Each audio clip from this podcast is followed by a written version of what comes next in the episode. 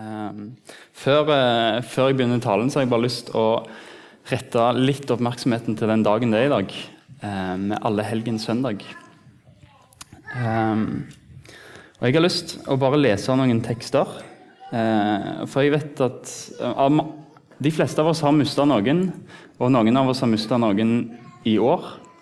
og så har jeg lyst til å bare spørre dere om dere kan reise dere mens vi leser disse tekstene, og så får det være eh, vårt ord fra Gud på denne dagen. Men vi reiser oss, og så leser vi eh, tre tekster. Jeg er oppstandelsen og livet. Den som tror på meg, skal leve om han enn dør. Og hver den som lever og tror på meg, skal aldri i evighet dø. Tror du dette? Ja, Herre, sier hun. Jeg tror at du er Messias, Guds sønn, han som skal komme til verden. Det var fra Johannes 11. I 1. Tessalonikerbrev skriver Paulus.: Vi vil at dere skal vite, søsken, hva som skjer med den som har sovnet inn. Dere skal jo ikke sørge som de andre, de som er uten håp. For om Jesus døde og sto opp, og det tror vi, så skal Gud også ved Jesus føre dem som har sovnet inn, sammen med ham. Og så skal vi være sammen med Herren for alltid. Trøst og sett mot i hverandre med disse ordene. Og I Åpenbaringen 21 så skriver Johannes et syn han så. Og jeg så en ny himmel og en ny jord. For den første himmel og den første jord var borte, og havet fantes ikke mer. Og jeg så den hellige byen, det nye Jerusalem, stige ned fra himmelen, fra Gud, gjort i stand og pyntet som en brud for sin brudgom. Og jeg hørte fra tronen en høy røst som sa, Se, Guds bolig er hos menneskene. Han skal bo hos dem, og de skal være hans folk. Og Gud selv skal være hos dem. Han skal være deres Gud. Han skal tørke bort hver tåre fra deres øyne, og døden skal ikke være mer. Heller ikke sorg eller skrik eller smerte, for det som en gang var, er borte. Han som sitter på tronen, sa, Se, jeg gjør alle ting nye. Og han la til, Skriv ned dette, for dette er troverdige og sanne ord. Herre Far, takk for det håpet som jeg skal få leve i. Takk for det håpet som jeg skal få dø på. Jesus, jeg ber om at du er nær hos de som har mista noen av sine. Trøst i Jesus med det håpet som du gir oss gjennom din død for oss og din oppstandelse, som et vitnesbyrd om at vi en gang skal bli vekt opp til et evig liv sammen med deg og sammen med dine hellige. Led oss, Jesus, på den veien som fører til livet. Så ber jeg òg Jesus for det jeg skal si nå. Jeg ber om at det kan få være ord som er til oppbyggelse for fellesskapet. At uh, samtalen etterpå kan få være ord der vi får snakke bra sammen om hvordan vi best mulig kan ære ditt navn i denne forsamling og i denne by, Jesus. Amen. Vær så god og sitt. Vi skulle snakke om, om menighet. Og jeg syns det er vanskelig, fordi vi er et fellesskap, men samtidig, når jeg tenkte på det, så er vi, vi er individer som er sammen. Og, og som, som, ungdomspastor og Svein som pastor, så, så har vi ansvar for hva, hva som blir forsynt herifra. Vi har ansvar for hva som skjer i fellesskapet, men vi kan ikke ta ansvar for dine valg. Vi kan ikke ta ansvar for hvordan du prioriterer tida di. Vi kan ikke ta ansvar for din integritet som kristen. Og Det, det har, det har, har bekymra meg litt som, som, som, ungdomspastor at jeg skulle ønske at jeg kunne At alle gjorde det jeg sa. Men, men, i dag så tenkte jeg jeg vil ha mitt vitnesbyrd. Og Det er en, del, en blanding av vitnesbyrd eh, og, og, og, litt utleggelse av tekst. Men jeg har lyst til at, å dele hva, hva, som har skjedd med meg de siste åra. Fordi jeg håper det kan være til oppmuntring for dere og til oppbyggelse for fellesskapet, for menigheten. Fordi jeg, jeg er bekymra over hvor lite denne boka her blir åpna i kristne sammenhenger. Jeg har venner som kaller seg kristne, som sier de leser Bibelen og får det til en gang i måneden. Og Jeg skal ikke dømme noen, men, men det bekymrer meg litt i kristne miljøer hvor lite vi bruker boka. Hvor lite personlig vi bruker boka og blar i. Fordi jeg har en, en, utrolig sterk tro på denne boka. Det kommer av de siste åra, og det er det vitnesbyrdet jeg skal dele. For Bibelen den gjør noe med oss når vi leser. Den har gjort noe med meg. Når jeg var på jobbintervju i Salem, da var daværende styreleder Svein Strand som spurte meg om jeg hadde noe spesielt jeg brant for. Svaret mitt var jeg brenner for at unge mennesker er nødt til å bruke denne boka som utgangspunkt for deres liv. Jeg kommer til å, kommer til å nevne det mange ganger. Jeg har gjort det, jeg kommer til å gjøre det flere ganger. At dette er det viktigste unge mennesker bruker tida si på. Og jeg vil jobbe for at flere skal bli inspirert til å lese Bibelen, for at flere skal forstå hva som står i den når de åpner den. Mitt vitnesbyrd begynte med at jeg leste Tessalonikerbrevet i 2.13. Og Der står det Paulus skriver derfor takker vi stadig Gud for dere.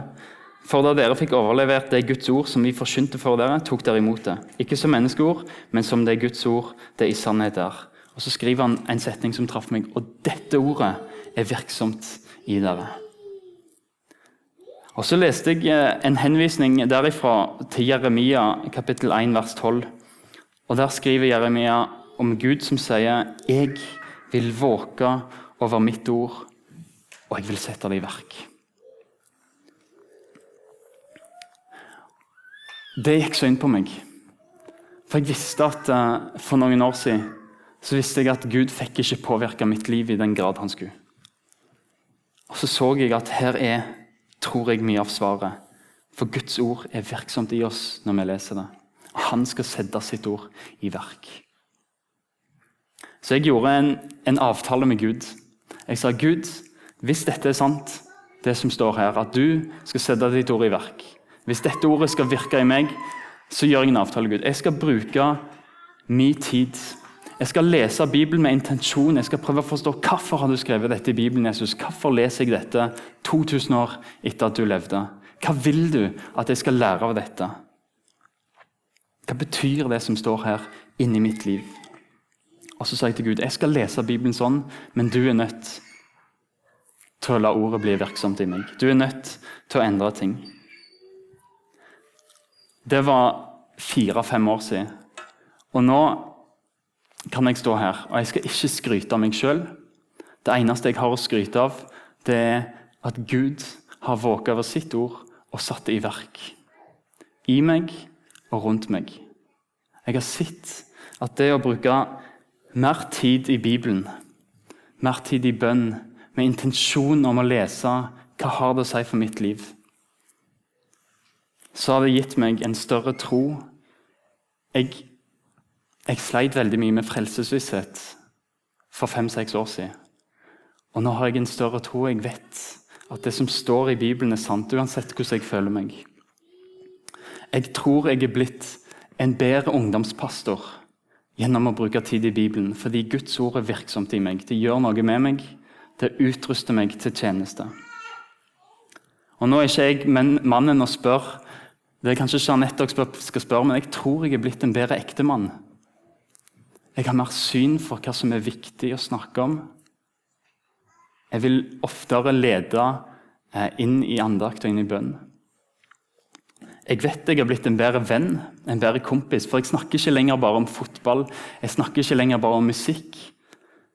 Jeg spør vennene mine hvordan går det med deg og Jesus? Jeg får være en medvandrer, ikke fordi at jeg har skjerpa meg, men fordi jeg har blitt påvirka av Gud.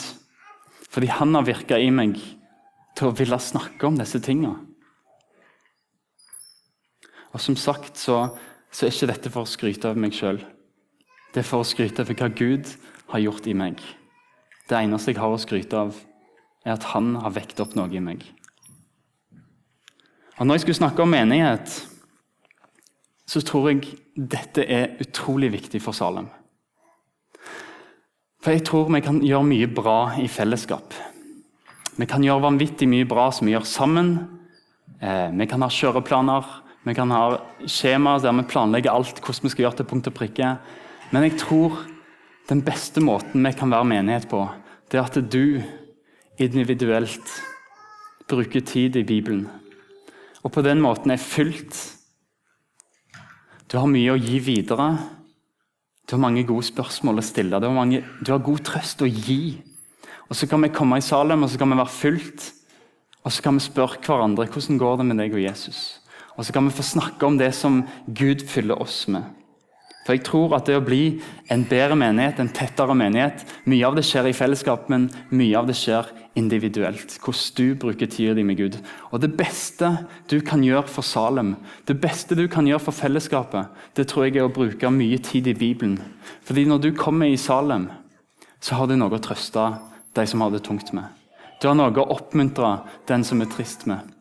Du har gode svar å gi den som tviler. Og jeg tror Det aller beste vi kan gjøre for Salem, det er å bruke tid i Bibelen og komme fylt av visdom og kunnskap og innsikt og utrustning og pøse inn i fellesskapet. Romerbrevet står det, så kommer da troen av det budskapet en hører, og budskapet kommer av Kristi ord. Og Det er grunnen til at jeg blir litt skremt når jeg hører om kristne sine lesevaner. Ikke alle kristne, men noen kristne. For jeg tror Som kristne så må vi alltid vende tilbake til ordet for å kunne fortsette å tro, og for at det skal virke i oss sånn at vi vokser i kristenlivet. Og Det er en utrolig bra beskrivelse av hva Guds ord gjør med oss i Salme 119, i vers 9 og i vers 11. Hvordan holder den unge stien sin ren ved å ta vare på dine ord? Jeg gjemmer ditt ord i hjertet, så jeg ikke skal synde mot deg. Den viktigste måten Gud oppdrar oss på, både som individer, men også som medlemmer av Salem, det er gjennom forkynnelsen og gjennom Guds ord. Hver bok i Skriften er innblåst av Gud og nyttig til opplæring, tilrettevisning, veiledning og oppdragelse i rettferd. Så det mennesket som tilhører Gud, kan være utrustet i all god gjerning.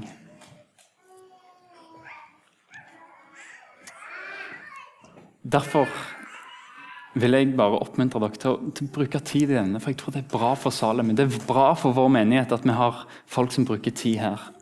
Og så har vi snakka mye i dette semesteret om, om, evangelisering, om gå og fortell, om menneskefisking. Og noe av det Bibelen, Noen av de gjerningene Bibelen oppdrar oss til, det er evangelisering. Jesus sa 'følg meg, og jeg vil gjøre dere til menneskefiskere'.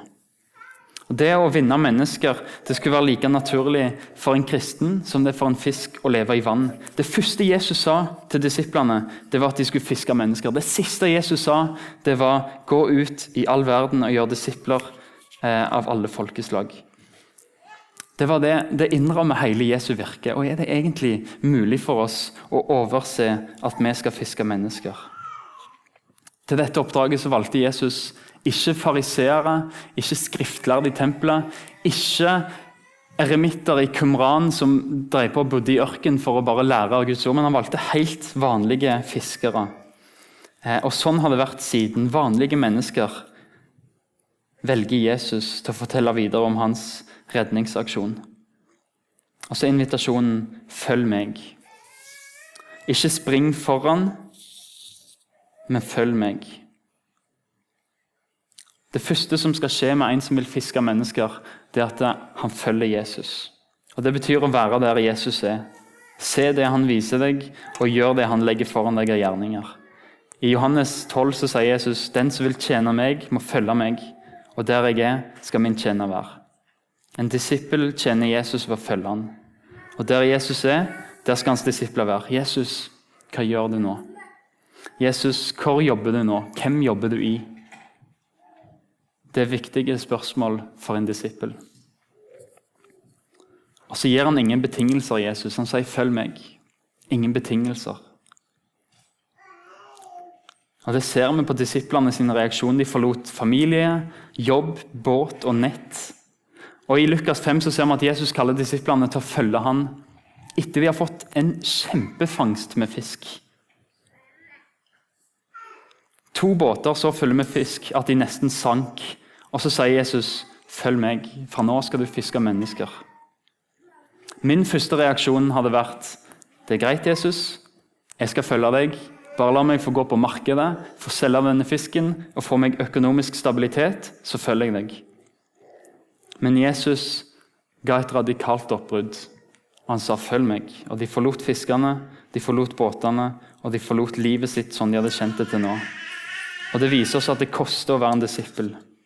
La oss aldri i Salem legge unna en stol at det koster å være en disippel. Det koster å forsake livet for å følge Jesus. Det er mye av det vi ønsker vi må forsake. Men kostnadene vi opplever som disipler, det skaper avhengighet til Jesus. Og så gir han oss det vi trenger. Og Grunnen til at jeg snakker om, om evangelisering og menneskefiske sammen med, med det å, å, leve i Bibelen, det Jeg tror ikke at, at menneskefiske, at evangelisering, handler om en metode. Jeg tror ikke det handler om en teknikk. Jeg tror det handler om et personlig forhold til Jesus med å stadig se på hvem Jesus er, og hva han har gjort for deg. Når vi bruker tid i Bibelen, så skaper Jesus frukter i livet ditt som gjør at han gjennom deg kan røre andre med sitt liv. Vårt kall det er å følge Jesus, og så er det hans oppgave å forandre oss. Sånn at vi blir i stand til å fiske mennesker at vi blir i stand til å forkynne, at vi blir i stand til å gi trøst der det trengs. Jeg tror Når vi bruker tid i Bibelen, så kommer Jesus sine frukter og Jesus sine nådegaver gjennom oss. Å prioritere og pleie sitt kristenliv det er jobb nummer én for den som går i Salem. Det er tjeneste nummer én for den som går i Salem. Det er å lese Bibelen og bruke bønnelivet. Rekkefølgen er ikke tilfeldig. Les Bibelen, så vil fruktene komme. Bruk tid i ordet, så vil fruktene komme. Det viktigste er ikke å gjøre alt for Gud. Det viktigste er å være hans barn, og så vil han oppdra deg til å gjøre det han tenker du skal gjøre. Og Når vi kommer nær Jesus, så vil du merke at du vil brenne for å fiske mennesker. Og Guds vilje sier vi ofte at vi som menighet vil følge Guds vilje. Og Det er en veldig fin ting. Og det står veldig klart hva Guds vilje er i Bibelen. For Gud vil, skriver Paulus til Timoteus, Gud vil at alle mennesker skal bli frelst. Det er hans vilje. Først og fremst gjelder det deg sjøl. At du må følge Guds vilje i ditt liv. Han vil at du skal bli frelst. Han vil at du skal bruke tid i det budskapet som kan gi frelse. Og deretter så vil han at du skal hjelpe andre mennesker til å se det samme. Vil du følge Guds vilje, så les det ordet som kan gi deg frelse. Vil du følge Guds vilje, så fortell til andre om det ordet som gir frelse. Og Jeg tror vi skylder Jesus å gi mennesker en sjanse til å få utløp for det arbeidet han allerede har gjort i dem. Til å stille spørsmålet om Gud kaller på deg. Hva gjør Den hellige ånd i deg? Og Når vi fisker, så fanger vi levende fisk. Når vi fisker i sjøen, så fanger vi levende fisk, og de dør. Men når vi menneskefisker, så fisker vi død fisk, og så er det Jesus som gir de levende. Kjære far, takk for dette fellesskapet. Jesus, hjelp oss til å se at selv om vi er en del av et fellesskap, så, så er den viktigste relasjonen mellom meg og jeg mellom deg. Jesus, jeg ber om at du kan styrke fellesskapet gjennom at du kaller oss til bibellesning. At du hjelper oss og gir oss visdom til å sette av en tid der det handler om å være barn.